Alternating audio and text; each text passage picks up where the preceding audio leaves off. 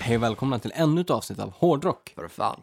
Och ni lyssnar som vanligt på mig, Corey Duett och Mig, Joey Bordline. härligt. Yes, det är alltså avsnitt 17 nu och innan ni l- började lyssna på oss så lyssnade vi ju på dig. Ja, det stämmer. Eh, Ett eh, spår som heter eh, Move Out med mitt gamla band, mitt första band, Ja. Shade. Och när är det här?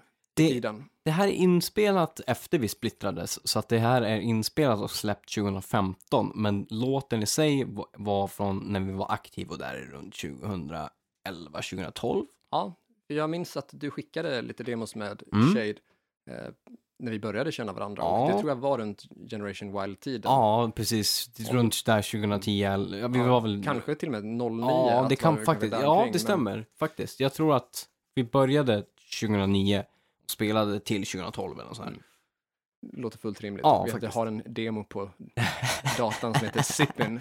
Och du... det stämmer. Det första, absolut första låten jag någonsin spelade in hette Sippin. Den handlade om att eh, jag stal min fars o- whisky.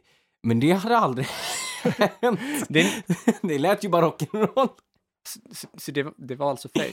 Det var m- mytomantext. Det var inte true? Nej, inte true. Men det lät coolt.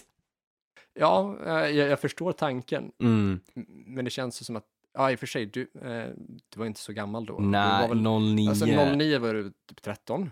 Ja, ja, Ja. 12, 13 någonstans. 13 ja. ja.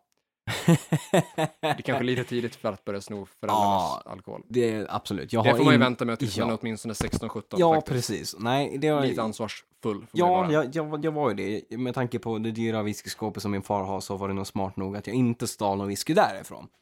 Eh, Nej, det hade väl kanske märkts då på ett sätt som jag tror det. kanske inte kom, man kommer undan med hos gemene man. Nej, jag- nej, jag tror att han finsmaksmässigt skulle märkt om jag hällde i lite vatten i eller något sånt där. Ja. Tips till alla och framförallt till minderåriga. Alltså man ska inte dricka alkohol och Nej, framförallt inte minderåriga och vi Nej. uppmanar inte minderåriga till att dricka alkohol heller. verkligen inte. Men tipset där, om ni funderar på det, häll inte vatten i era föräldrars sprit. Då när ni- förstör ni ju skiten. Alltså, det är det dummaste man gör. Ja, alltså då märks det ju jättetydligt.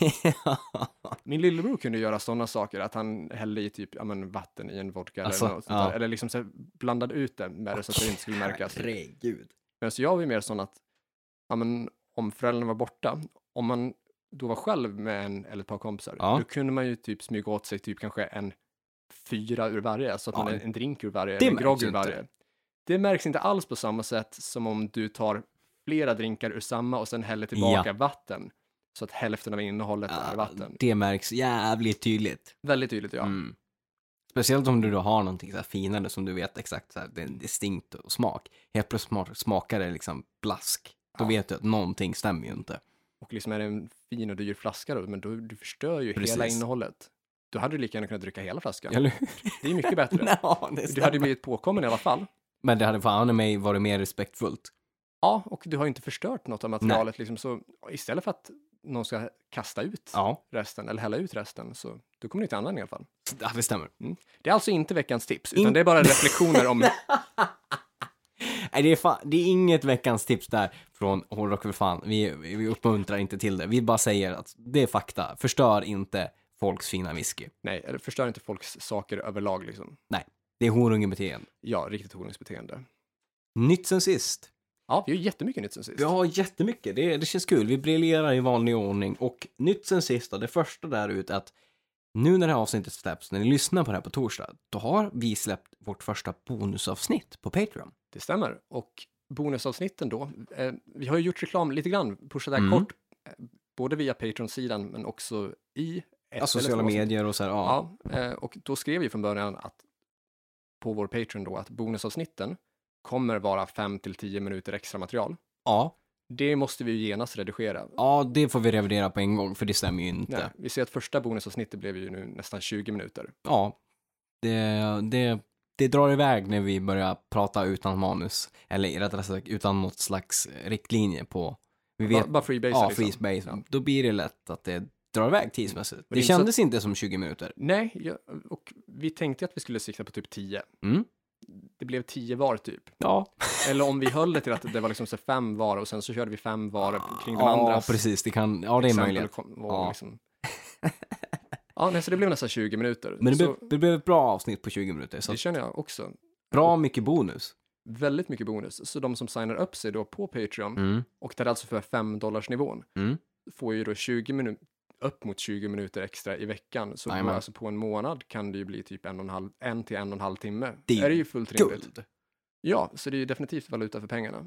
Oh ja, verkligen. Är man med på Patreon-sidan på en eller två dollars nivån så är det fortfarande så att man får massa exklusiva posts och man Mm. kommer få ja, men, eh, Första tjing på nyheter och vad som händer framöver och så. Ja, och även en del liksom så här klipp från dels när vi haft gäster här och Mm. liksom sådana saker som inte dyker upp på de andra sidorna. Så det är klart att det ska, man ska få bonussaker där. även på Absolut, $1 så är det ju. nivån. Och vi måste ju faktiskt passa på att fortsätta pusha för coronarabatten nu. Så att Det är när vi det som ändå pratar gäller. om, om, om bonusavsnitten, att bonusavsnitten är ju för alla som är på 5 nivån. Mm. Vår 10 nivå är ju egentligen att då får du bonusavsnitten plus att du får välja tema Ja, för ett bonusavsnitt. Så Jajamän. liksom, det du vill höra om, det gör vi ett bonusavsnitt om. precis. Så Men- länge det liksom är Ja, s- någorlunda rimligt inom och temat. liksom Rimligt, ja. precis. anpassat till podden. Liksom. Ja, Och nu kommer vi köra så att under hela april månad, så alla som går med i 5 dollars Patreon-nivån Mm. då, får bonusavsnitt plus välja tema till ett avsnitt. det är fan en riktigt, riktigt bra deal. Nice. Det är en sjukt bra deal. Och tips då till er som går med i 5 dollars nivån på Patreon, Mm. att vara hy- var hyfsat specifika Mm. önska gärna typ, alltså ni kan ju komma med allt ifrån att vi ska diskutera bäst skiva av alternativ 1 och 2, Ja, eller till exempelvis bäst sångare i ett band, eller om vi ska diskutera kanske som, eh, jag vet inte, ett specifikt band, ett, ett band som kanske, favoritlåt av ett specifikt band eller liksom, absolut. ja, alternativt att liksom vi tar upp ett band som är ganska okänt, säg ett band som bara har gjort någon enstaka skiva och liksom, som har blivit lite bortglömt, men som inte har nämnt särskilt mycket i våra tidigare teman, Ja, då kan vi ju lätt kö- köra ihop ett avsnitt om det. det kan vi ju. Så att eh, som sagt, var specifik på, på det ni skulle Mm. vilja höra. Så löser vi uppgiften helt enkelt. det ni vill höra 10, 15, 20 minuter av. Så bli patrons på patreon.com Mm. slash hrffpodcast. In med lite cash så får ni era bonusavsnitt. Med coronarabatt. Jajamensan. Eh, Och på Patreon då så kommer vi även att börja släppa, eh, som vi har nämnt tidigare i något avsnitt, det har nämnts i förbifarten att Mm. eh, jag och en eh, kompis eh, Axel Aremyr då, Ja, just shoutout till Axel, eh, har spelat in en minidokumentär en gång i Mm. tiden som aldrig släpptes då och den eh, hade väl arbetstiteln då Remember the Sleaze Ja. och spelades in under den sista Rest in Sleaze anordningen då, Jajamän. eller sista evenemanget där som eh, Lisbeth Hellman drog iväg s- vintern 2016. Mm.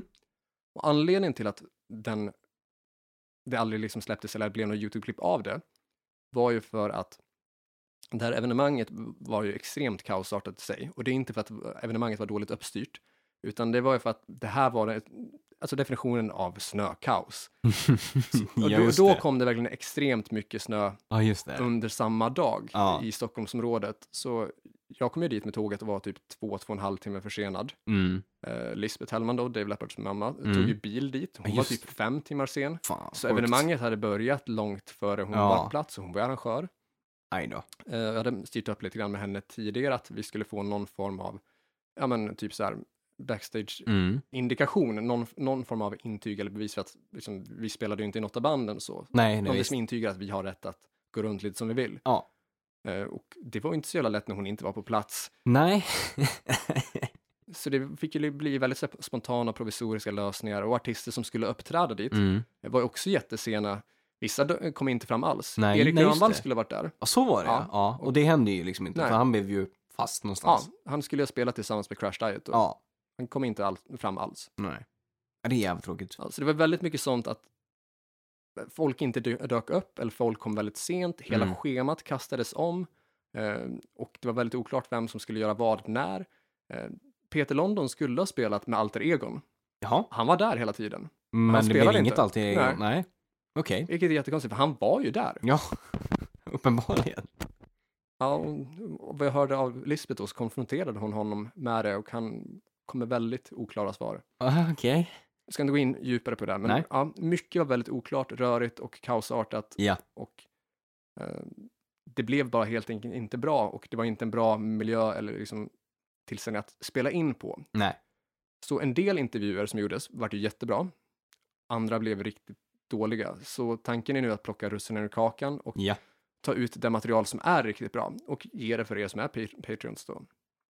Jag har inte sett det här så att jag kan känna att det kommer bli jävligt bra bo- bonusmaterial. Jag är faktiskt lite taggad på att visa Mm. dig materialet, så vi Faktiskt. ska gå igenom det alldeles strax då och kan väl hinta om redan nu att det, det första, vad heter det, eh, vi kommer att släppa är ju faktiskt en intervju då med Danny Saucedo. Det ser jag fram emot att få se. Och har ni inte koll på hur kopplingen där går, så Danny Saucedo är ju kusin till Dave Leppard, Mm. eller var då. Ja, precis. Så han var ju också, han gjorde audition för Crash Diet. Mm. Han övervägdes, det har nämnts i nyhetsartiklar och det, det finns demos inspelade på när Ja. han kör Fall in Rain. Ja, precis. Så den första intervju som kommer släppas via Patreon-sidan är då Dennis Saucedo om, om hans kusin Dave Leppard, deras relation, tankar och liksom hur, hur det såg ut. För det är ju två individer som kanske utåt sett Ja. är ganska olika och Oh ja. tilltalar väldigt olika crowds. Ja, väldigt m- olika musikstil egentligen kan man ju säga. Och olika liksom, communities. Ja, men samtidigt inte liksom så här, Nej. bägge två var sångare Mm. och liksom musiker Ja, och släkt. Så precis. Aj, det ser jag fram emot. Ja, den det är relationen ju är intressant. extremt bra content. det, det tycker jag också, så det är en riktigt bra anledning till att bli, till att bli pa- Patreon då. Oh ja. Och vi kommer släppa ett flertal sådana intervjuer och material från där. Det som vi känner är russinen ur kakan Jajamän. och det blir en hel skål med russin. Gott! Jajamensan. Eh, vidare så, när ni hör det här avsnittet, då ska vi ha släppt merch. Ni ska kunna beställa merch. Det är planen. Ja, det har, det har vi pratat om länge nu. Ja. Merch har tryckts. Ja, Det har det faktiskt. Och vi har två vi- stycken liggandes bredvid oss. Ja, och vi, vi har ju till och med hintat om hur den låter. Ja, det har vi dessutom. Så ni har hört den, Patreons har sett den Jajamän. och till det här avsnittet så ska vi även ha en tredje, ja, en, ett, Mm. ett tredje exemplar eller tredje modell av Precis. det här då. Och, så nu är det dags. Nu så är när ni det hör dags. det här avsnittet, gå in på vår Facebook-sida Mm. eller mm, skriv till oss på sociala Jajamän. medier så, hin- eh, så berättar vi var ni hittar grejerna. Jajamän. Och det kommer vara riktigt bra kvalitet. Ja, det, alltså det, är- trycken ser bra ut och ma- materialet är skönt. Ja. Det är inte de här, liksom, så här stela som Nej. man kan liksom bära i flera år och det är nästan så att materialet blir ännu hårdare. Precis. Men Skönt material, snyggt tryck, alltså Ja. bra tryck. Det var det som var om podden. Nytt i musikvärlden. Nytt i musikvärlden så har vi ju först utav Coronatiderna fortsätter på att eh, rulla och eh, Mm. då så börjar det ju redan nu drabba större festivaler runt om i världen. Ja, Och då specifikt så har vi ju att Download Festival har ställts in.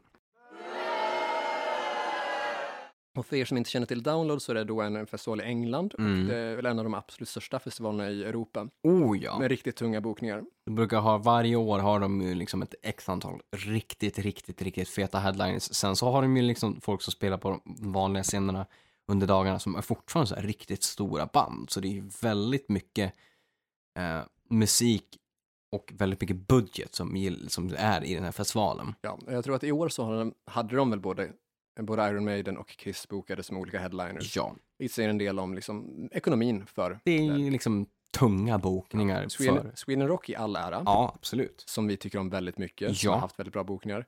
Men deras största har varit Kiss ett år och Iron Maiden ett Mm. annat år. Så är det. Fram, och det var ju liksom, det är ju de senaste åren. Ja. Innan, säg för typ fem år sedan, Mm. då fanns ju inte budgeten att ha något Nej, av nej, dem nej, utan det har ju liksom sakta men säkert tagit sig dit. Ja, till att boka ett sånt Ja. per år. Och Kontra Download liksom hade, boka fyra, fem Ja. sådana. vilket Download Ja. har gjort tidigare. Så. Så är det ju. Ja, så tråkigt att de ställer in. Eh, Ja, förståeligt men, men tråkigt. Och det är ju det är ju ganska farligt för grejerna så här. Det är ju ingenting som de kan, sk- alltså de kan ju skjuta på det liksom men det går ju inte, att skj- alltså så inte som en, liksom ett evenemang som typ Whitesnake eller så som ställdes in. Att man kan liksom kunna skjuta på det liksom till hösten eller sådana saker. När det är så pass många band som då, då måste man ju ställa in. Och då Ja, blir det att det då är en- vill ju folk ha pengar tillbaka. Mm. Och då är ju frågan hur mycket har de då redan betalt, alltså f- till banden. Och vilket gör att det är ju risk för konkurs för sådana festivaler tyvärr. Ja, det är ju inte en lätt situation där. Nej. Jag menar, det är inte så jävla lätt att flytta 400-500 musiker. Mm. nej. Rätt datum då alla kan. Eller hur? Nej, det går Och gärna ju. s- så pass snart Ja, publiken känner att det är värt att behålla biljetten. Eller hur? Ja. nej, det är, äh, fy fan. Så jag hoppas att de klarar sig. För att det är, det är en festival som ska tydligen vara bra uppstyrt, brocka, väldigt mycket bra band och det skulle vara tråkigt att se den gå i graven. Verkligen. Jag tror Crash Diet gjorde sin första utlandsspelning där. Det, Eh, det var låter sin första- bekant. Englandsspelning i alla fall. Sen vet jag inte om man hann med att spela i Finland före det eller efter det. Men Download spelades de, det spelade de på 05 Ja, faktiskt. precis. Så det är, en, f- ja, det är en festival med riktigt brett utbud och Ja. med grym budget och liksom Oh ja, oh ja. anrik som sådan. Verkligen. Vidare om coronan då, för Mm. det kommer vi köra ett tag om nu. Det får folk acceptera. Ja, det är Eh. sådana tider. Ja. Till Lindemann, Rammstein, sångare. sångare Rammstein då, har eh, varit med mycket i nyheterna nu senaste dagarna. Mm. Och med ganska blandade besked. Ja, lite olika i Expressen, lite olika i Aftonbladet. Ja. Tidningarna gick ju ut från början med att han intensivvårdades Mm. och att det hade bekräftats att han hade corona. Yes. Det stämmer ju inte. Nej, bandet har själva gått ut, nej, han har gått ut med Han har gått ut med Ja, det. Rammstein har gått ut med det. bandets hemsida att så är inte fallet då. Nej. Utan han ha- upplevde att han hade lunginflammation Ja. och åkte till sjukhus. Testades för corona, svaret var negativt. Jajamän. Så, så var det med den saken. Till Lindemann plus corona är lika med inte sant. Ja, Aftonbladet var lite snabb på bollen där och sa Corona, jajamän. Men så var inte fallet. Nej. Och vidare på sångare och frontmän och corona och sjukdomar och sånt där och Mm. allt vad det kan innebära så är ju det att jag har läst att Ossis hälsa, hans Parkinson, faktiskt har gjort stora framsteg. Jaså? Ja, eh, hans dotter då, Kelly Osbourne, som har gått ut med det. Mm. Och det är ju intressant det där att när alla andra hälsa går åt helvete så blir han friskare. Och jag funderar på, kan det här vara så att det är det här vaccinsituationen, du vet när man fixar sprutor som, Ja. man, man injicerar en liten mängd av en sjukdom Mm. för att sen bli immun mot det, Ja. för att kroppen ska liksom ha ja, men byggt upp ett skydd mot det. Mm. Att det är det som händer honom nu i, i coronatider, när, om det skapades så att någon åt en Mm. fladdermus, jag menar Ossi bet huvud av en fladdermus, Gjorde han? han blev immun mot den här vågen av epidemi och virus. Ja. Fullt möjligt. Det är fullt Inte möjligt. säkert alltså. att Inte det är så. säkert. Men så det veckans tips är heller inte att äta fladdermus eller Aj, byta huvudet av den. Ge fan är det? Absolut inte äta och heller inte det sistnämnda. Nej, Men det kan vara så. men det kan vara så. Det är en kan bra vara det som spaning. skapar- Tack! Förträfflig spaning. F- Fortsätt då kring corona och ni som då har satt er själv i karantän eller alltså frivilligt eller inte frivilligt så har vi lite goda nyheter. Man måste se det positiva här i livet när det är mycket som ställs in och det är liksom Stämmer. tungt och man måste sitta hemma och ha jävligt tråkigt. Då är det så att Swinrock har sagt att hela månaden april ut så kan man läsa samtliga Swinrock Magazine la- eh, som pdf gratis på deras hemsida. Det är ju sjukt bra faktiskt. Det är guld! Jä- Jävligt stort av dem att göra Det det. är det absolut. Så att, jag menar, har man känt att jag har inte råd med Sweden Rock och liksom och känt att åh, det här numret såg coolt ut med liksom omslaget och jag ska väl läsa. Det är bara att gå in och läsa alltihop. Läs ikapp. Med allt menar vi alltså allt, alla från det här, här året, senaste året, eller Från alla bara- från nummer ett. Från nummer ett, Så nummer ett finns uppe. japp, till, eh, ja, alltså sista numret ut på 2019. Det är ju svinbra. Vilket jobb de har gjort som har liksom fixat så att alla Mm. Verkligen. de finns som pdf-er. Magiskt. Eller om det är någon rackare som har suttit på alla Eller hur? digitala filerna för det här under hela tiden. ja, Bra styrt, oavsett vilket. det tycker Sjukt jag. uppskattat. Det är, det är positiva nyheter i, i det här negativa läget som det är. Ja, det värmer, det gör det. Ja, och till en rolig spaning. Då är det att jag läste idag, eftersom att de har det här gratisgrejen pdf med Swinrock, så läste jag i Swinrock att Jorn Lande som då har sjungit med Masterplan, han har sjungit med Amentasia, han eh, har ju varit solomusiker, han släppte en, en platta där han eh, gjorde en hel tribute coverplatta till Ron James Dio på grund av att han har en sån typ av röst. Han är en känd aktör från Norge. Ja, han är ju en av de absolut största namnen inom power metal och heavy Ja. metal. Det stämmer. Han brukar varje år, läste jag, vistas på Power Meet i Västerås. Och det är ju så jävla oväntat. Det är riktigt jag såg inte oväntat. Mm. den komma. Nej, jag hade ingen aning. Och jag, jag, alltså, nej, jag såg som du säger, jag, jag såg inte riktigt den komma. Men nu med informationen väl i hand så Mm. känns det som att han ser lite power meet ut. Faktiskt. Lite h- kombinationen av håret, skägg och eh, solglasögonen där. Ja, faktiskt. Lite så här gilla jänkare liksom. ja, men det och- känns som en ja, eh, gubbe som eh, gillar, Gillar bil. cruisa, ja, liksom. Ja, eller hur. bil och dricka- rock'n'roll. Ja, eller hur. Bira och, och ut och Mm. cruisa. Så att det, det är ju kul. Så jag menar, nästa Power Meet, då ska vi ju se till att spana efter Jorn Lande då. Ja, alltså det måste vi definitivt göra. Gå på Jorne-jakt, ja. om det blir power meet i år. ja, det vet ju inte. Vi får se. Jag är inte ett superfan av det evenemanget annars, Inte jag. men nu måste vi vara där. För att spana. Ja, lä läsa oss till någonstans, eller kolla hans sociala medier, se vad, vad han har för typ av bil. ja, Det underlättar ju. det gör det. Så vill ni med på Jorne-jakt med oss, då är det Power Meet i år som gäller. Yes, them. Veckans tema då, för, ja, eller dagens tema för, Ja. för det här avsnittet, är ju, det är ju lite av en uppföljning på förra avsnittet. Jajamän. Och det har ni ju såklart sett, för ni har läst namnet redan innan ni öppnat filen. Och det är då mindre lyckade sångarbiten, Jajamän. som uppföljning då till lyckade sångarbiten. Ja, vi kände att det är dags att ska vi göra lycka, då måste vi ändå ta den liksom andra sidan av myntet också. Precis, det går ju hand i hand. Och Ja, Vi hade ju ändå tänkt köra bägge två, så det är lika bra att köra dem efter varandra. det tycker jag. Medan kopplingen och- och informationen är färsk och aktuell Ja. på alla sätt och vis. För både oss som gör den och för er som lyssnar. Ja, ja men det tycker jag. Och det vi ska gå igenom här då, det finns ju lite olika faktorer som spelar in kring vad är ett mindre lyckat sångarbyte om man säger så. Ja, för det kan ju betyda olika beroende på vem som hör det eller vem som säger det. Ja, vem man frågar. Frågar man internet, frågar man en kompis, frågar man en redaktör eller vad som helst. Eh, för det kan ju vara liksom, vi, vi, vi pratade ju till exempel i förra avsnittet om John Corabi och Motley Crue. Ja, För oss är det liksom ett lyckat sångbyte för att vi tycker att plattan är sjukt bra. Liksom, och och vi så. tycker att han är en bra sångare. Precis. Men i kanske i det kommersiella, då var inte det lika lyckat. Kommersiellt floppade det. Ja. Det nämndes ju. Den, Ja. den sjönk snabbt på listorna. Precis. Arenorna var inte alls lika välsålda Nej. som man räknade med. Så det kan ju vara liksom att nu när vi pratar om de här liksom inte lika lyckade bytena kan det ju vara då att antingen sångare som inte passar överhuvudtaget, eh, att sångaren vi, tyck- att sångaren vi tycker inte han är bra överhuvudtaget, Vi tycker Eh. inte det, det kan vara en dålig person. precis, en dålig person, eh, eller bara en, en fullkomligt kommersiell flopp som inte gick hem hos fansen överhuvudtaget, att det liksom var sån missmatch och det fanns ju inte. Nej, precis. Så det kan vara väldigt många olika faktorer där som Ja. spelar in. Så eh, döm inte på förhand utan lyssna igenom hela argumentationen om vad, vad vi tänker om varför de skulle ja, vara mindre lyckade sångarbiten då. vi ska förklara. Ja, och ett måsteband här då, eh, som vi nämnde förra avsnittet också, Mm. som måsteband att prata om när man ko- pratar om sångarbyten, är ju Iron Maiden. Jajamän. Och förra avsnittet så nämnde vi Paul Diano till Bruce Dickinson Mm, och i det här avsnittet så är det ju då såklart från Bruce Dickinson till Blaze Bailey. vore också ett tjänstefel att inte ta upp det i den här änden. Ja, det är inte så oväntat kanske. Och Nej. Vi, vi har ju pratat en del om Blaze Bailey tidigare Ja, och framförallt då de två skivor som han sjöng på med Iron Maiden från 95 och 98 då, The X-Factor of Virtual 11, eller Jajamän. Virtual XI. Och då när vi pratar om albumen ni hatar så nämnde jag att jag tycker om skivorna, Mm. men det är ju också främst för att jag tycker att musiken är riktigt, riktigt bra. ja, Och jag tycker att The X-Factor har, d- deras grundmaterial för låtarna Mm. är sjukt starkt. absolut. Och jag vill också göra en rättelse där till er som kommer ihåg det avsnittet, att jag nämnde att jag tyckte att både X-Factor och Virtual Eleven var starkare än No Prayer och Fear of the Dark. Och justera den till att jag tycker att The X-Factor är, bäg- är starkare än bägge, men Virtual Eleven är bara starkare än No Prayer for the Dying. Ja, För du hade ju inte ly- lyssnat så mycket på Virtual Eleven, nej.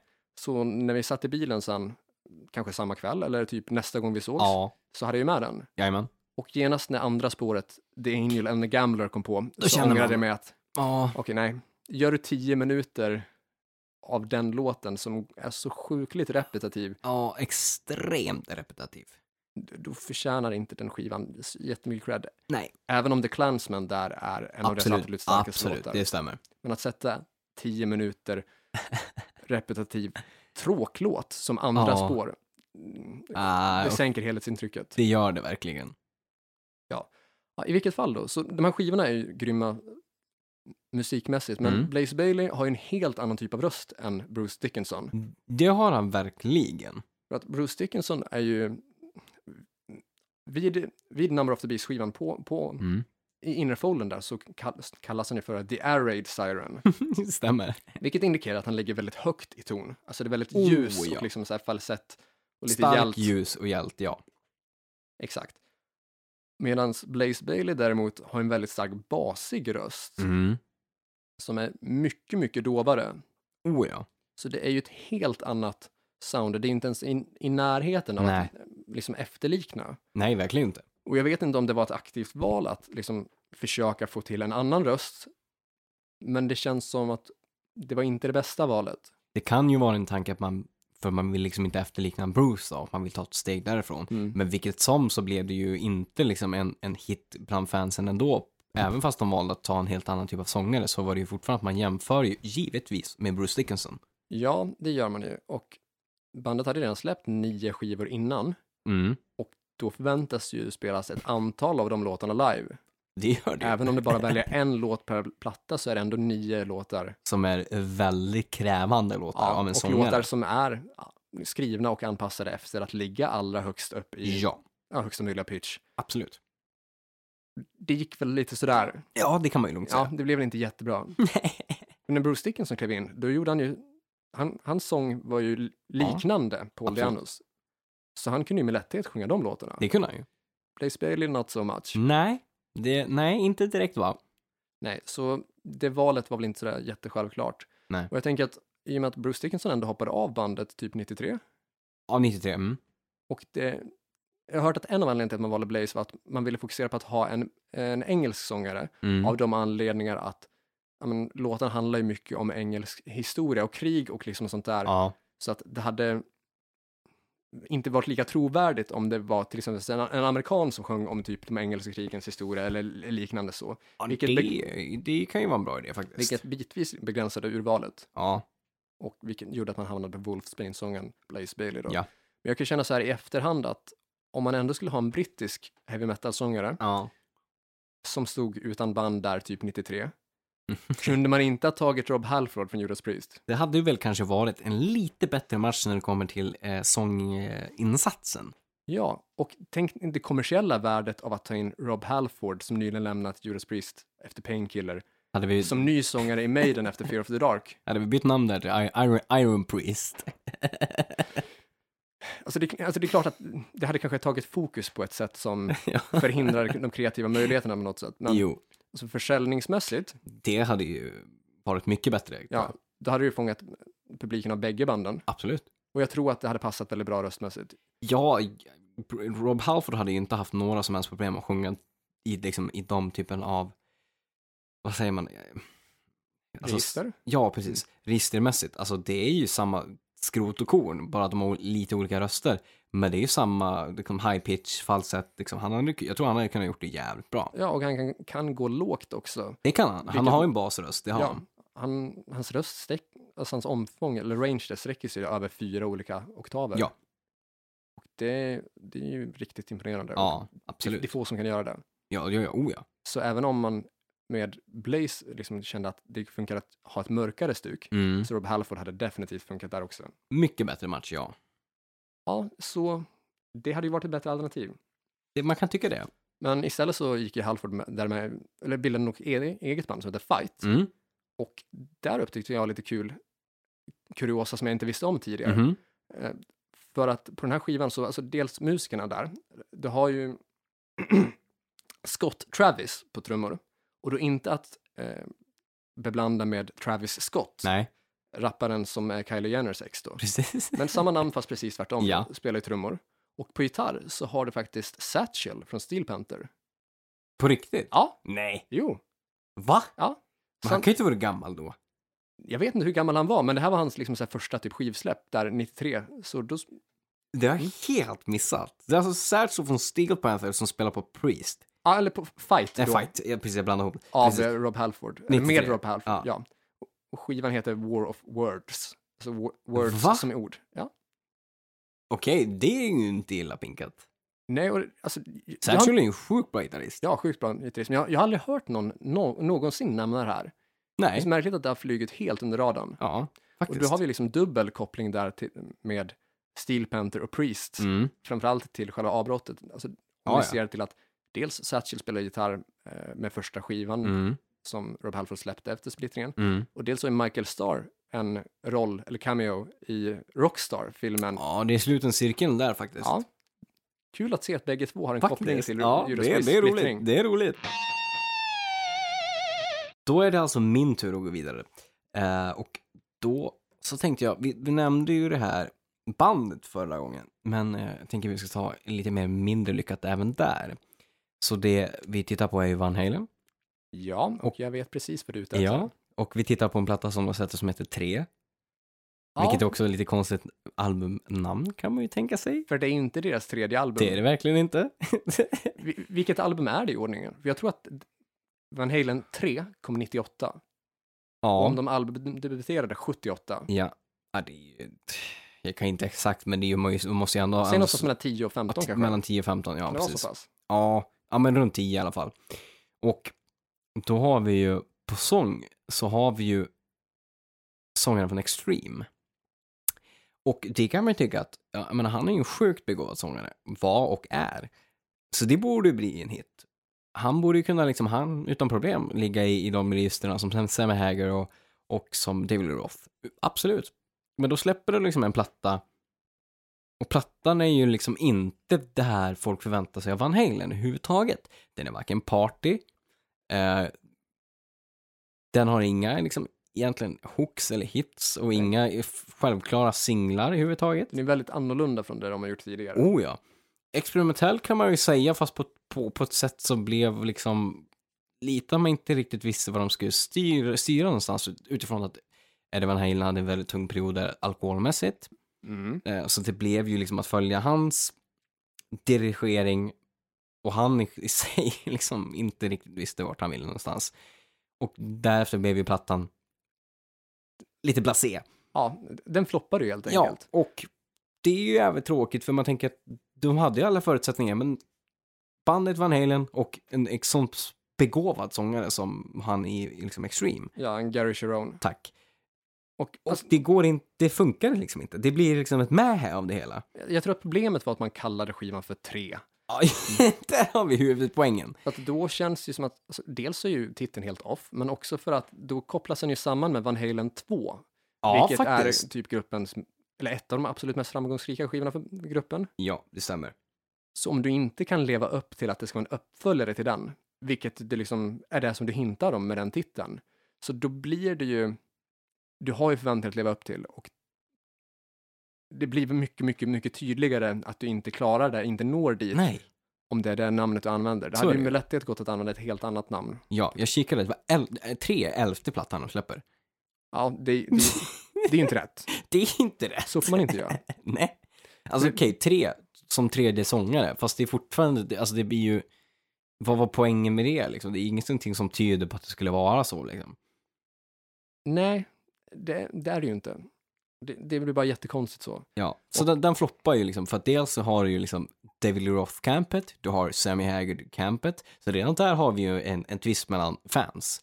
Ja, och den här liksom gick li- typ inte riktigt hem hos någon. Nej. Och re- slutresultatet av det blev ju tyvärr så pass dåligt att det blev bara en skiva med Gary Cherone Mm. på sång och det var sista skivan där Michael Anthony spelade bas.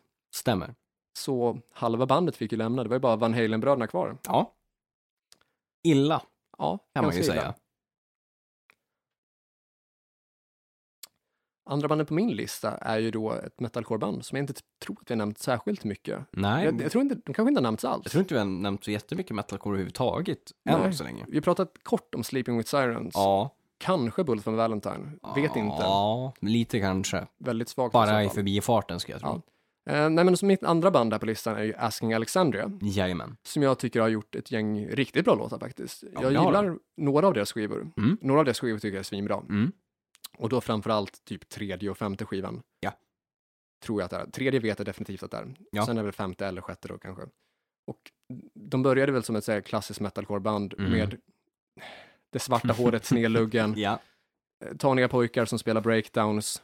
Hoppa lite grann medan Ja. som spelar. Ja, du vet, så här tunga intron och verser och sen en mjuk, lite poppigare refräng. Ja, Det var väl typ okej. Eh, Det var okej. ja det är precis. Som sen OK. utvecklades med tiden till ett mycket starkare och bättre band som, Absolut. som både blandade klassisk hårdrock och metalcore. Ja, Så där vi, framme vid tredje skivan, From Death to Destiny, så är de svinbra band. Mm. Och sångaren, då Danny Warsnap, har vuxit något enormt. Ja. Men han hoppade också av bandet efter det på Mm. grund av blandmissbruk då, vilket är det som hela tredje skivan handlar om, From Death to Destiny. jajamän. Och de andra i bandet ville ju fortsätta ändå utan honom. Och då letar de ny sångare. Ja. Och det gör de på Youtube genom att kolla folk som har sjungit eller spelat in typ Asking Alexandria covers. Mm, de, de gjorde en journey alltså. Ja, Mm. det eller att göra en Judas Priest, att se till coverband. Sant. Tommy Thayer, som spelar gitarr i Kiss, tror jag också var med i ett coverband på Kiss Ja. innan. Jag har för mig det också.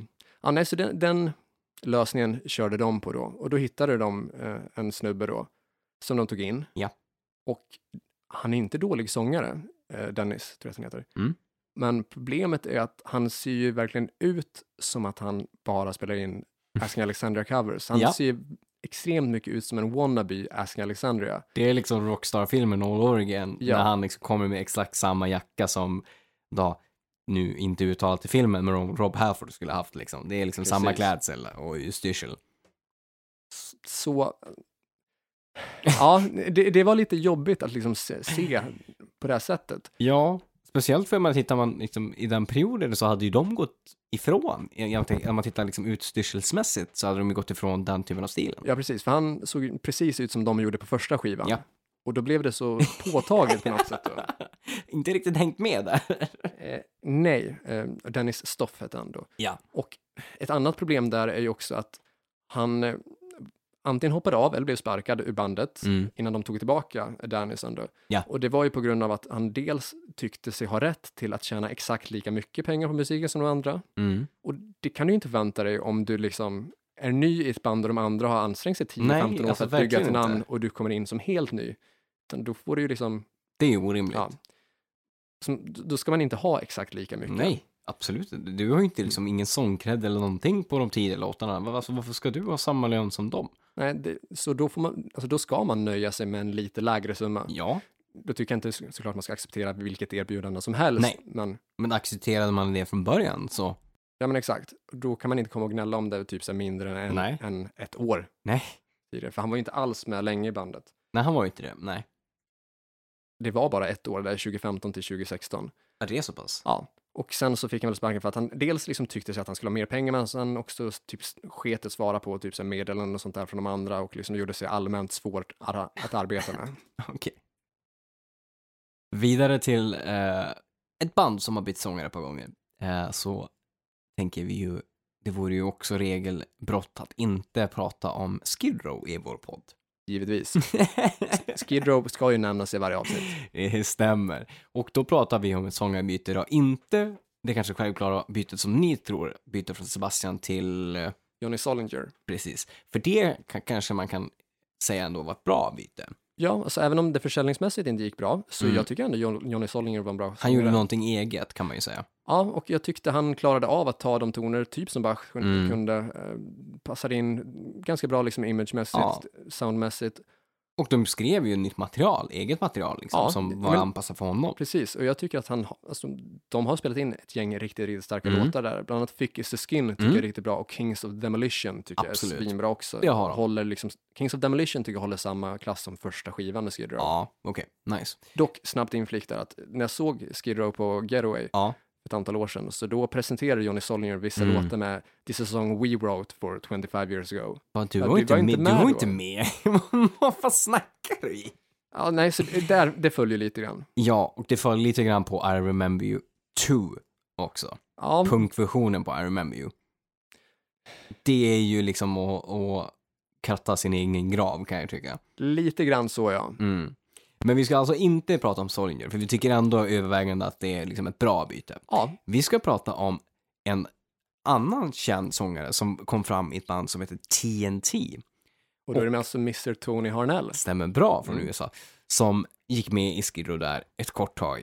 Eh, Och det kan man ju ändå tänka liksom, om, man- när man såg det. Jag kommer ihåg min reflektion och tänkte liksom, att Tony Hanell, han är ju liksom en av mina favoritsångare. Fan, det kan ju bli jävligt bra. Han kan ligga liksom och ta de tonerna, liksom om man tänker tonartsmässigt.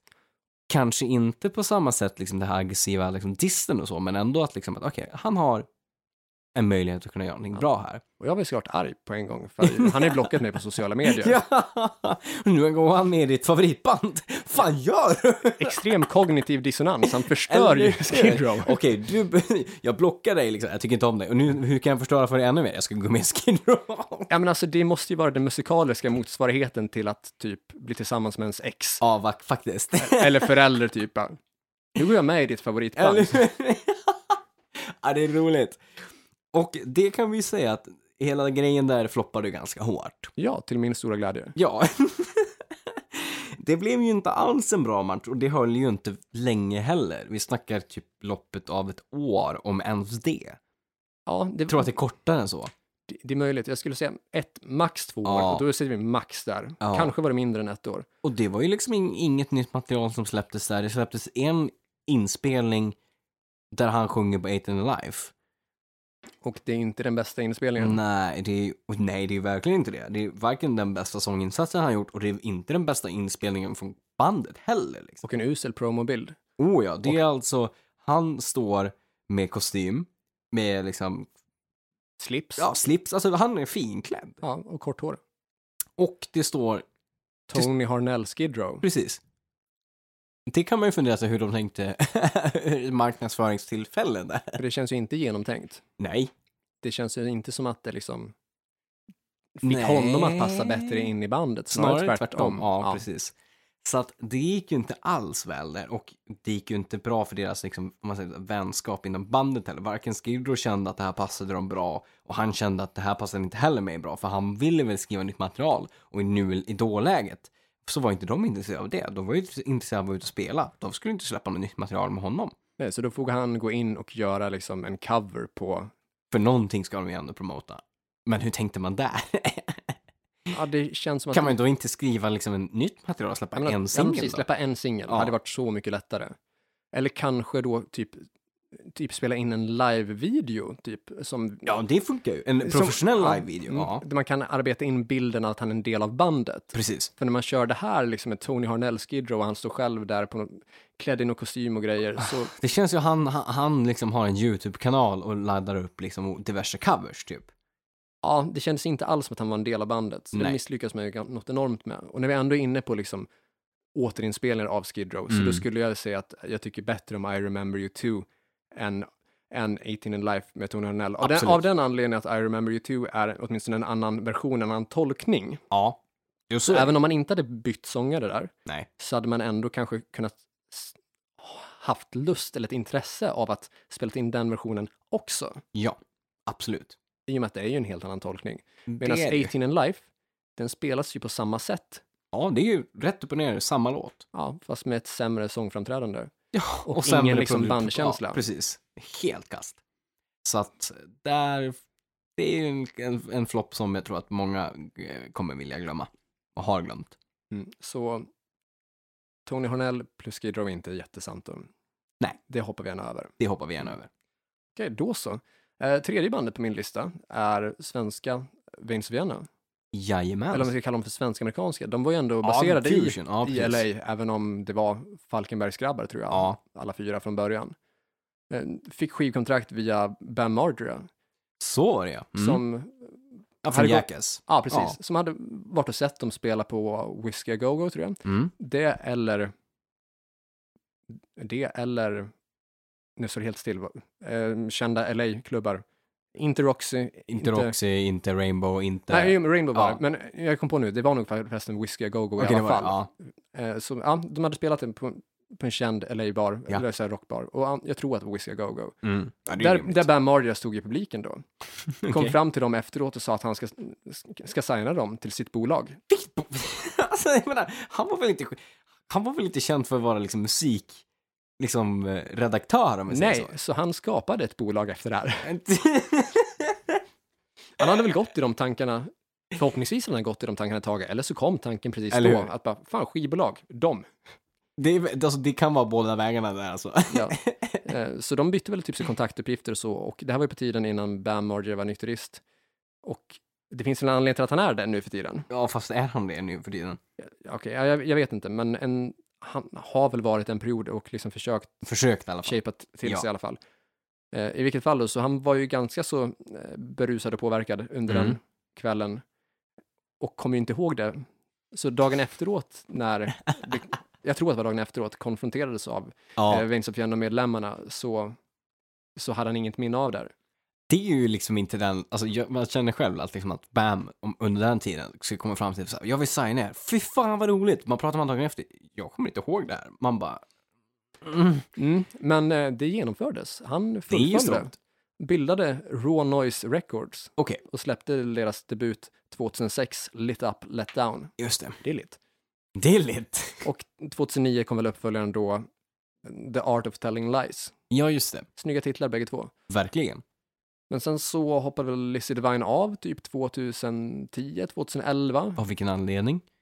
Jag minns inte. Nej. Jag tror att jag frågade honom om det kanske i Remember the Sleaze-dokumentären, Ja. så kanske dyker det upp på Patreon. Okej. Eh, annars får jag dra iväg mejlen till honom. Jag vet att vi har pratat om det här. Ja.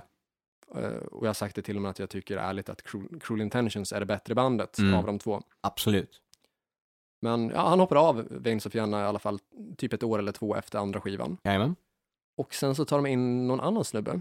Och anledningen till att jag säger någon annan snubbe är för att han är så ointressant i mina ögon och Veins of Vienna utan Lizzie Divine är så pass ointressanta för mig att jag vet faktiskt inte ens vad han heter. Nej, jag har faktiskt ingen aning heller vad han heter. Och, Jag lä- läste någon gång, kommer inte ihåg. nej. Han hade ett, liksom, ett icke betydelsefullt namn i huvud taget. Ja. Och kort därefter, så liksom, eller hyfsat kort därefter, så la ju Veins of Vienna ner.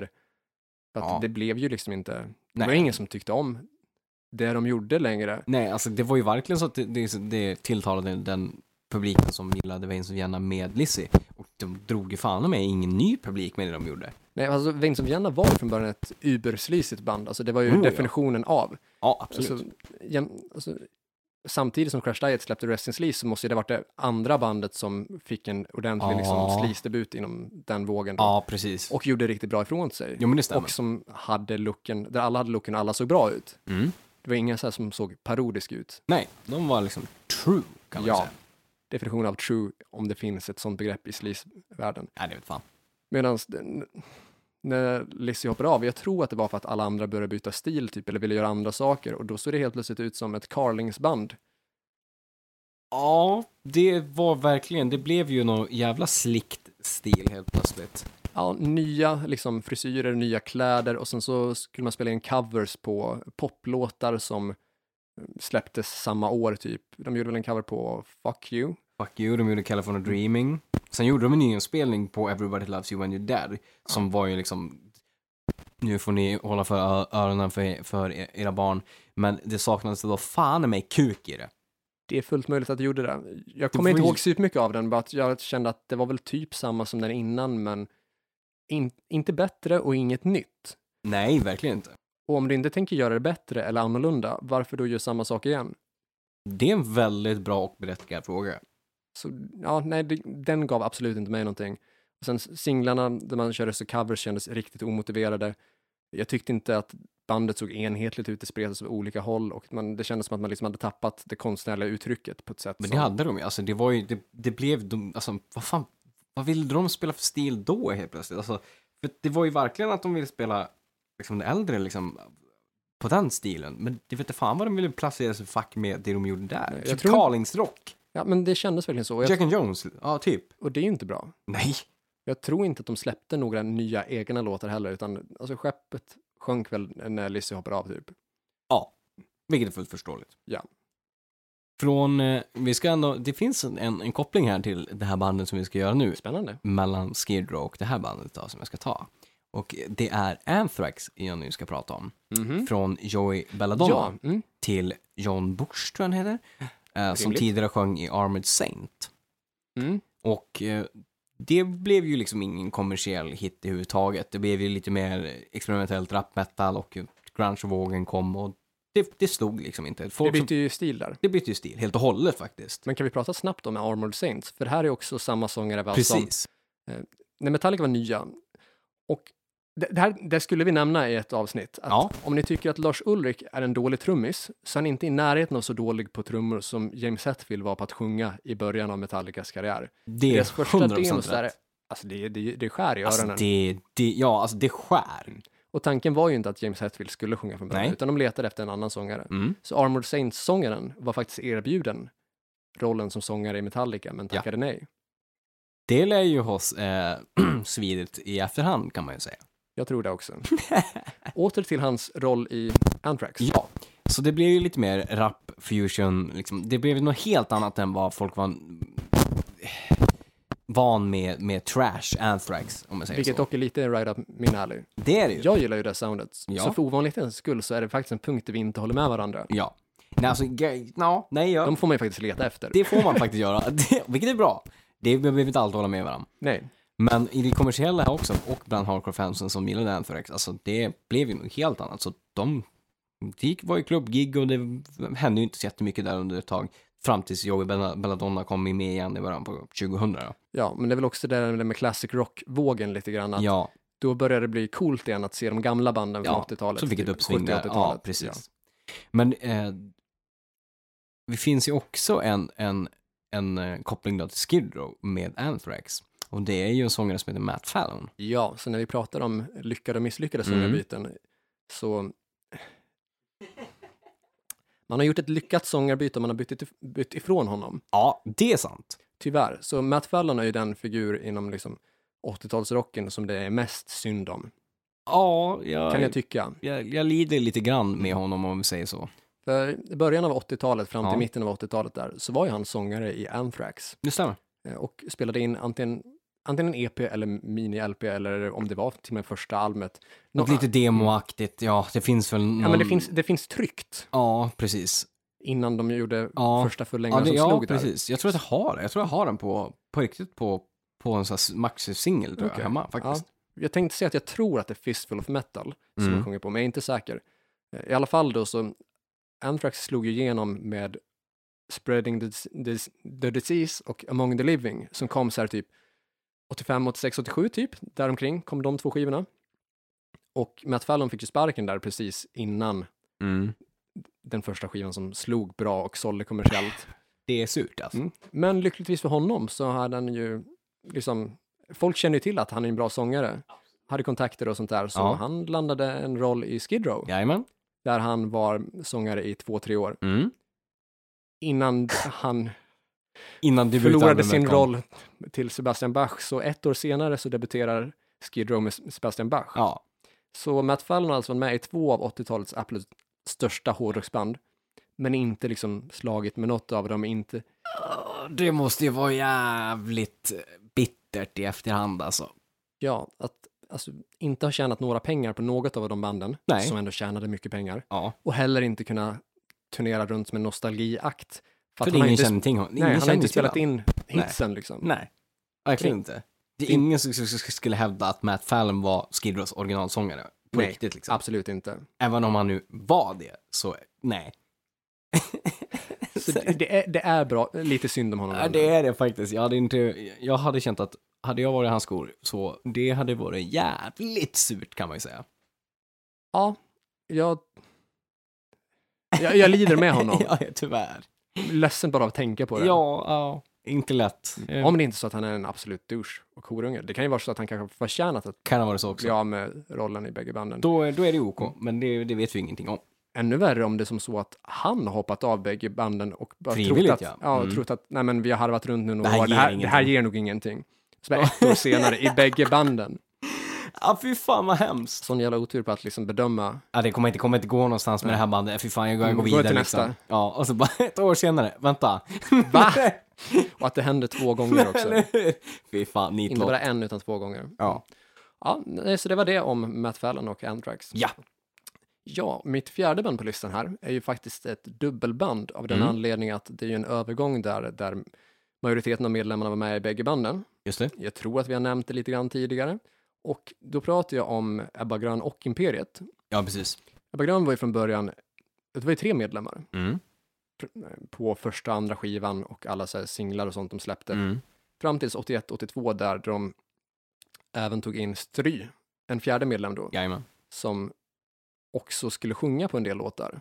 Ja, Lite oklart. Ja, eh, så han sjunger några låtar på sista Ebba Grön-skivan Mm. och första Imperiet-skivan.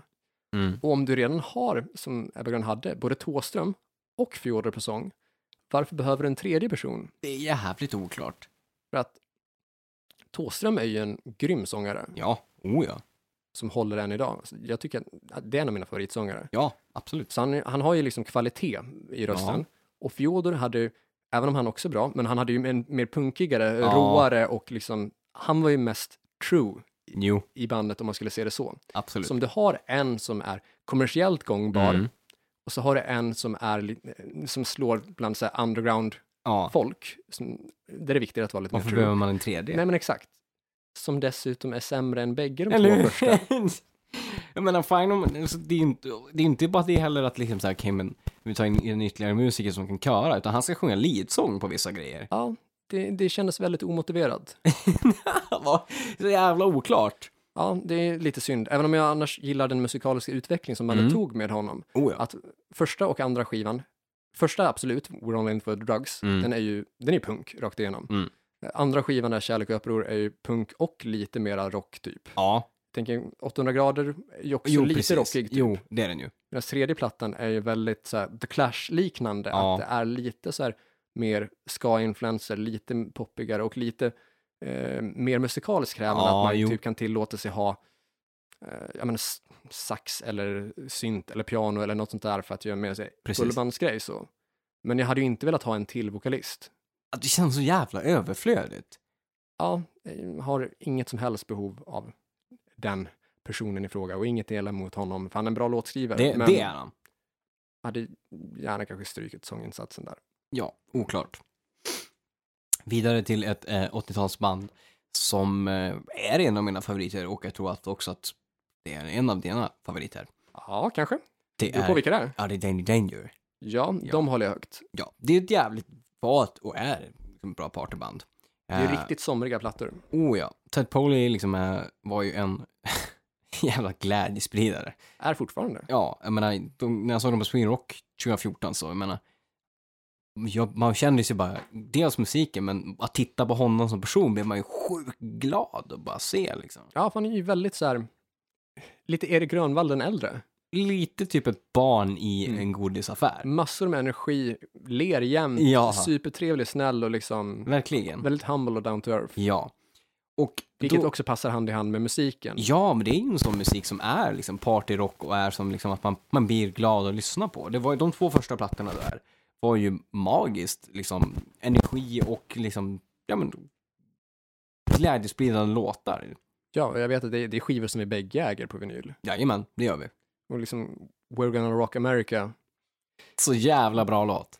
Så cheesy, men så rätt. Det Ja. är ju liksom, det är lite Ja, det men man det- vill ha av 80-talet. Ja, det är lite det, fan, solen är ute, man knäpper en, liksom en tjuvburk Mm. eller en långburk, Antingen eller. antingen eller, solbriller på och solen ligger på om man har den i bakgrunden. Alltså mer kan man inte önska sig egentligen i, Nej, nej, i alltså- sådana tillfällen. Det är ju det är precis det man vill ha. Ja, så är det ju.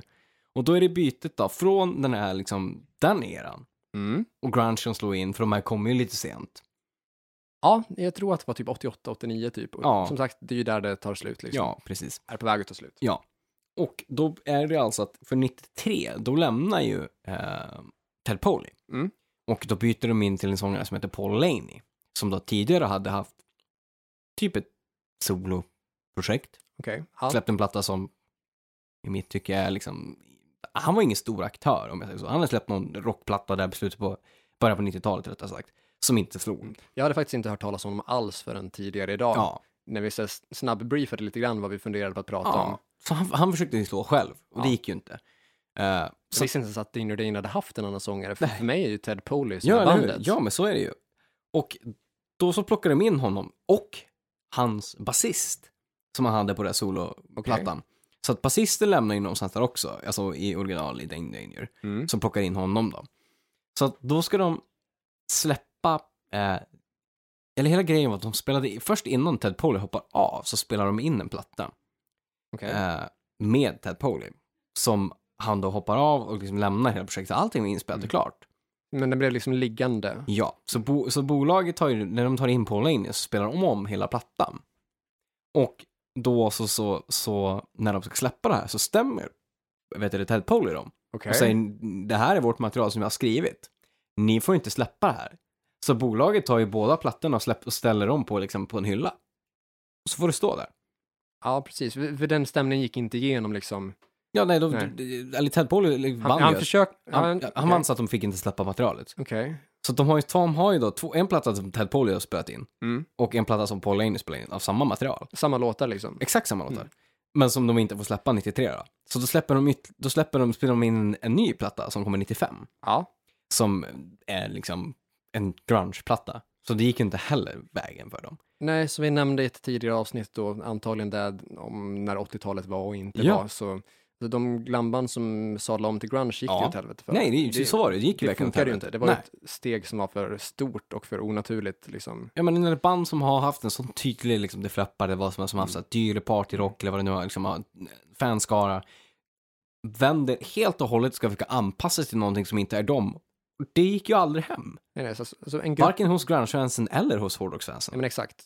Det, det gjorde det ju liksom inte. Nej, Grungen kom ju för att de inte tyckte om glammen precis. och glammen tyckte ju inte om grungen. Nej, Så det var ju inte, det var ju inte kul för någon. nej det, var ju inte, det var inte roligt alls. Liksom, du kan ju inte få heller fem personer att helt byta stil. Nej, D- Däremot så var det ju rimligt, det som vissa gjorde, att antingen ja, men mjuka upp sig med fler ballader eller Ja. tuffa till sig och köra hårdare, snabbare, typ ja, mer, det är mer, rimligt. mer punkigt eller mer metal. Precis. Men att hoppa genre helt. Det, är- nej, det är orimligt.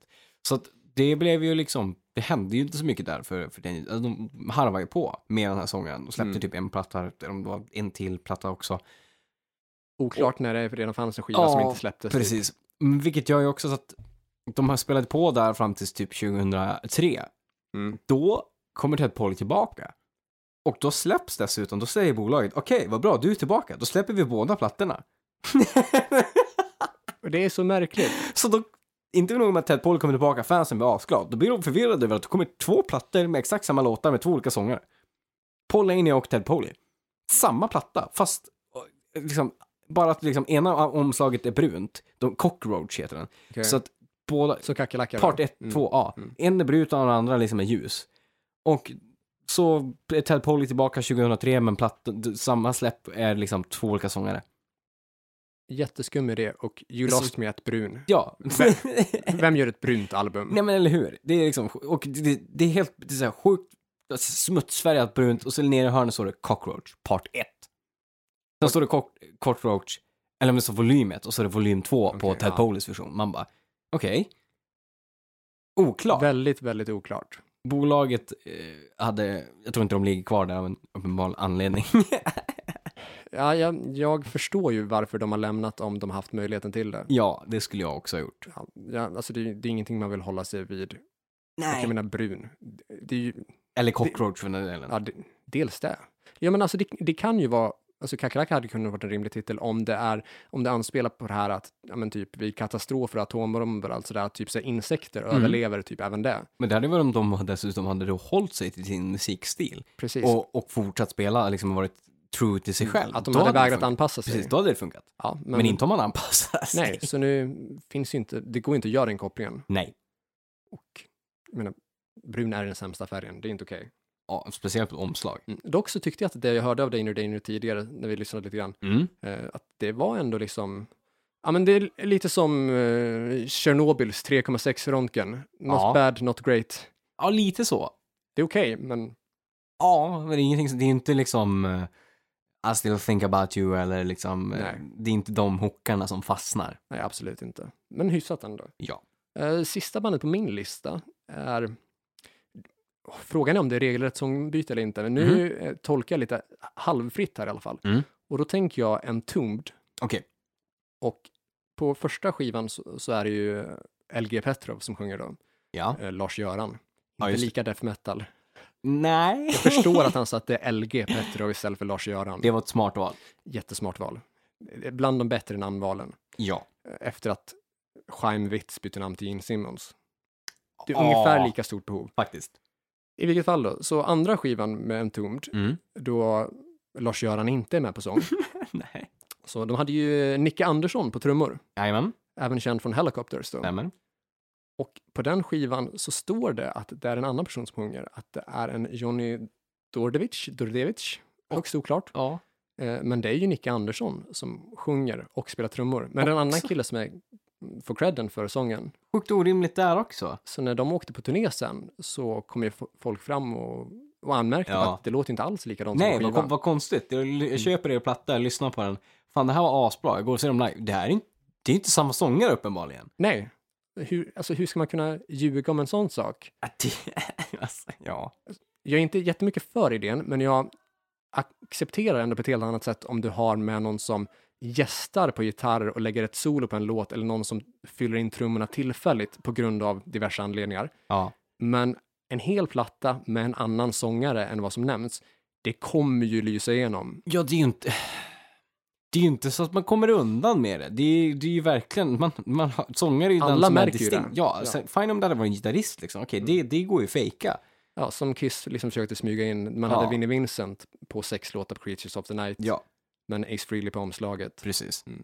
Men sångare däremot, det är ju något helt annat. Ja, det... alltså, det, är så Det- det- jävla det går inte att orimligt. komma undan med. Nej, vad fan, hur tänkte man där? Nej, det är ingen som kommer, kommer, kommer på, komma på det här. Liksom. Jo, det, alla kommer att komma på det där. Exakt, exakt alla. För sång är liksom det absolut enda instrument som folk tror sig förstå Ja, och höra skillnad på. Exakt. Alltså en olärd person hör ju inte skillnad på gitarrist till gitarrist. Nej. Men vem som helst hör ju skillnad på sångare till sångare. Men det Oh, hör ja. vi att det är olika personer. ja. Alltså, För där är ju identiteten och uttrycket så mycket Ja, större. och ja, ja, annorlunda ja. på ett sätt, Så. 100 procent. så sista bandet för mig då är, då, det är ju en tomd. Ja. Sångarbyte eller inte, Ja, m- men mindre lyckad sånghändelse. det kan, precis. Det- Jag tycker det ändå, det, det går under den nischen Mm. Det får ändå. räknas. Ja, det tycker jag. Min sista är då eh, ett schweiziskt band som heter Gotthard. Ja, Och de, de ligger mig väldigt nära till hjärtat. Och de, var ju, de är liksom Schweiz, Schweiz, Schweiz största liksom hårdrocksband. ja och jag tänkte säga är de Schweiz enda hårdrocksband? Det enda man känner till i alla fall. Ja, jo men Och så är det sålt ju. några miljoner ex. Det har de. Det är ju liksom, De har ju sålt väldigt kommersiellt stort eh, med liksom plattor som Lip Service och liveplattor och, och liksom, de, de har ju hållit på sedan början på 90-talet men stod framförallt liksom från 2000 framåt med liksom Lift You Up. Ja, eller Lift liksom, You Up är en ja. svårslagen partydänga. Oh, ja. Mm. Jag älskar den låten. Verkligen. Och de, det var ju platta för platta liksom, som var sjukt bra producerat. S- Steve Lee, som var sångare där, eh, var ju dels en, liksom, en, en exceptionell sångare, men också där en frontman som kunde ta över en hel scen och Ja. liksom var en entertainer. En personlighet liksom. Ja. Som då tyvärr 2009, tror jag, Typ något sånt. ja, gick bort i en motorcykelolycka i USA. Vilket är jätteledsamt och tragiskt Ja. på alla sätt och vis. var, de, de tog, hade sagt liksom så här flera år att de skulle ta en break från turnerandet och Mm. tillsammans med sina familjer, hela- liksom hela bandet, åka på en motorcykelturné i USA. Gör det. De har ställt av liksom hela ekipaget med hojarna liksom efter varann. Står liksom vid typ en trucker station typ. Mm. Så kommer det en, en långtradare och får snedskär.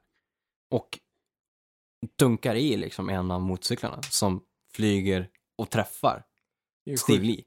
Alltså, Vad fan sjukt. är oddsen för det? Ja, alltså det är så oväntat. Eh, När man sjukt. väl tar semester så händer det. Så det var ju liksom en väldigt tragisk händelse som de som band valde då att, att gå vidare, för det var ju liksom deras levebröd. Det är klart Ja, men att de exakt. ska gå vidare. Men man- att då gå vidare som Gotthard. Ja, alltså, det, jo men det kan man väl göra. Mm. Kanske beroende på. Jag har inte koll på hur liksom, låtskrivarprocessen såg ut. Så. Nej, Men om de andra medlemmarna också skrev låtar, då tycker jag att det kan vara rimligt Ja. att få fortsätta kalla Gotthard. det var väl framför, framförallt gitarristen som fortfarande är kvar där och Steve Lee som skrev materialet då. Mm. Ja, men då, kan- då kanske det kan vara Mm. aktuellt att kalla det för samma band. Det, och det kan jag absolut hålla, hålla med om. Eh, grejen var väl, skulle jag tro, fanmässigt och då kanske kommersiellt, så var det ju då att man tog in sångaren som lät väldigt, väldigt lik Steve Lee.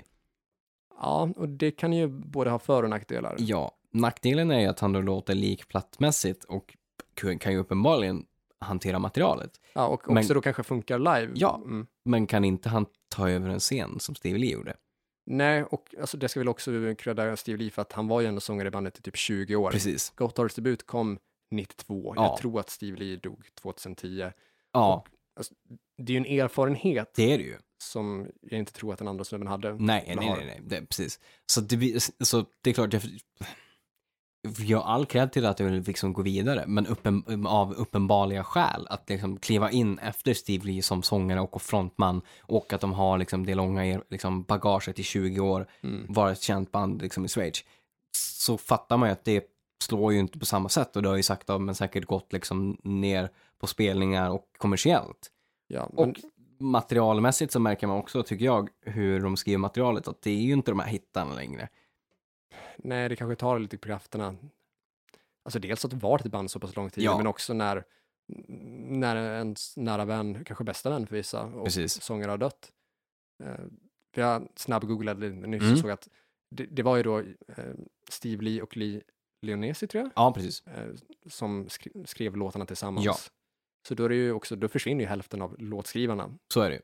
Så att det är liksom inte de här bästa förutsättningarna för att det ska liksom kunna lyfta vidare, tyvärr. Tyvärr inte. Jag såg dem på, på Väsbrock, liksom, han sjunger ju jättebra, och han liksom lyfter materialet, men man känner ju det här. Det här Live vill man ha mer än att det Ja. bara ska låta bra. Det ska liksom tas över, man ska bli liksom insugen i hela den här atmosfären. Och det, det är ingenting som han klarar av, tyvärr, Nej. än idag. Så man kan komma hyfsat långt på att låta bra, Mm. Men man kommer mycket längre på att göra någonting häftigt. Så är det ju. Det är ju det man vill ha. Att Ja. det ska vara larger than life, att energin ska finnas där och liksom Mor- känslan. More is more. Ja, alltså jag, jag ser hellre att det är någon enstaka miss eller att allt i framträdandet inte Ja, är perfekt. Ja, nej, nej, nej. så absolut. länge som det händer så pass Ja, mycket på så är scenen, det att, att leveransen av allt andra Ja. får en att känna mycket mer. ja, alltså som sagt, som du säger, det behöver ju inte alltid vara perfekt. Alltså så länge det liksom är, man känner sig liksom en del av själva processen live, att man är liksom Precis. insugen i att man blir underhållen, att det liksom, det händer grejer på scenen och det är roligt att titta på, liksom att det är liksom den här energin man får ut För av. live är ju en känsla och en händelse. Så är det. går ju att stå helt still, Ja, träffa alla tonerna, absolut. men det är inte kul att se. Nej, det är det ju inte. Så att, ja, tyvärr, det är, med alla liksom, de grejer som har hänt här så förstår man att det inte blev en kommersiell hit och inte för fansens skull heller egentligen då. Nej. Så det, det är som det är helt enkelt. Tyvärr. Ja. Det var väl de mannen vi hade idag för, Ja, för dagens tema. det stämmer, det stämmer. Veckans tips då.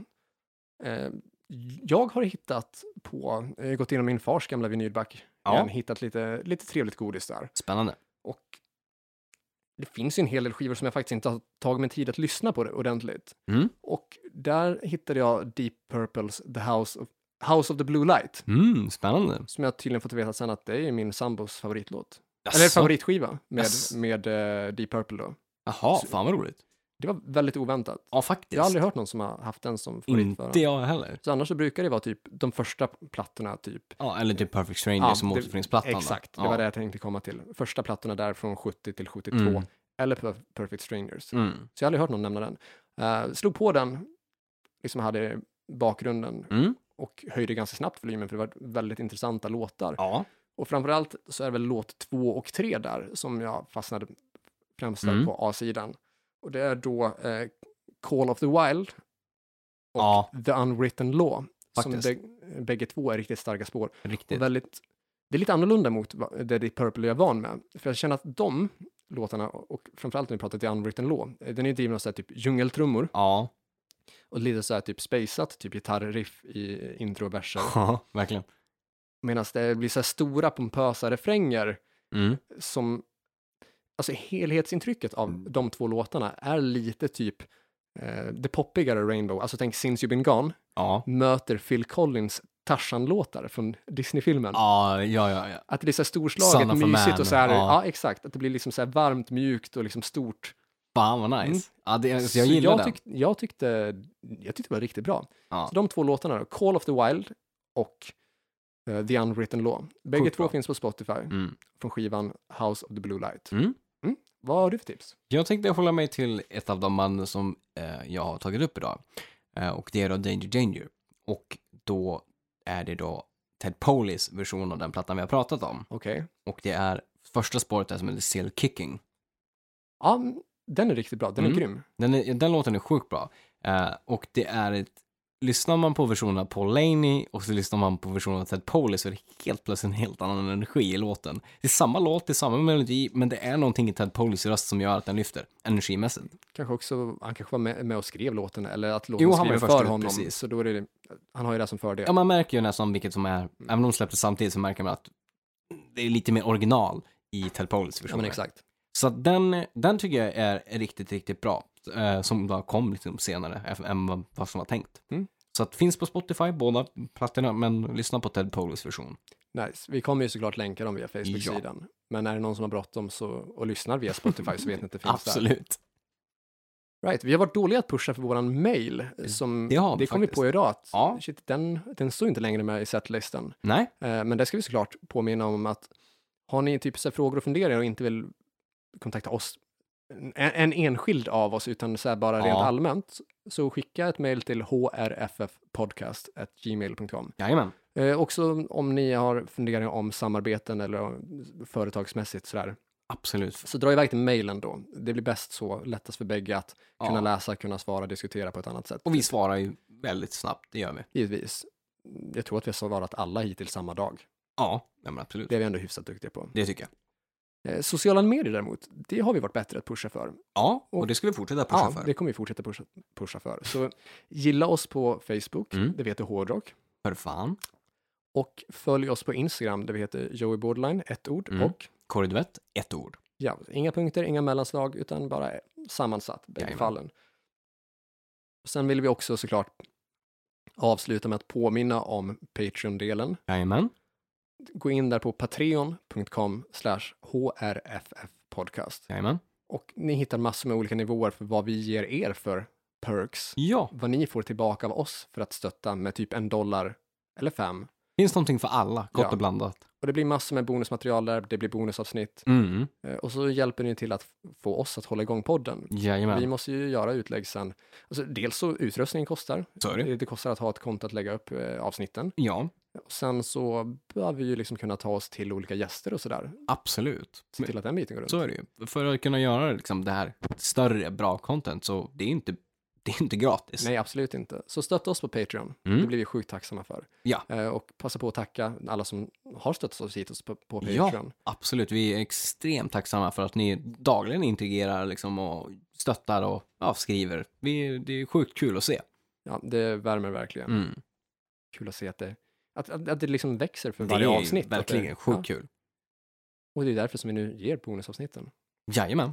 Ja, det var det från oss. Tack som fan för att ni har lyssnat. Nytt avsnitt nästa vecka och fram tills dess, lyssna på hårdrock. För fan, om ni vet vad de säger, spela hårdrock. Thank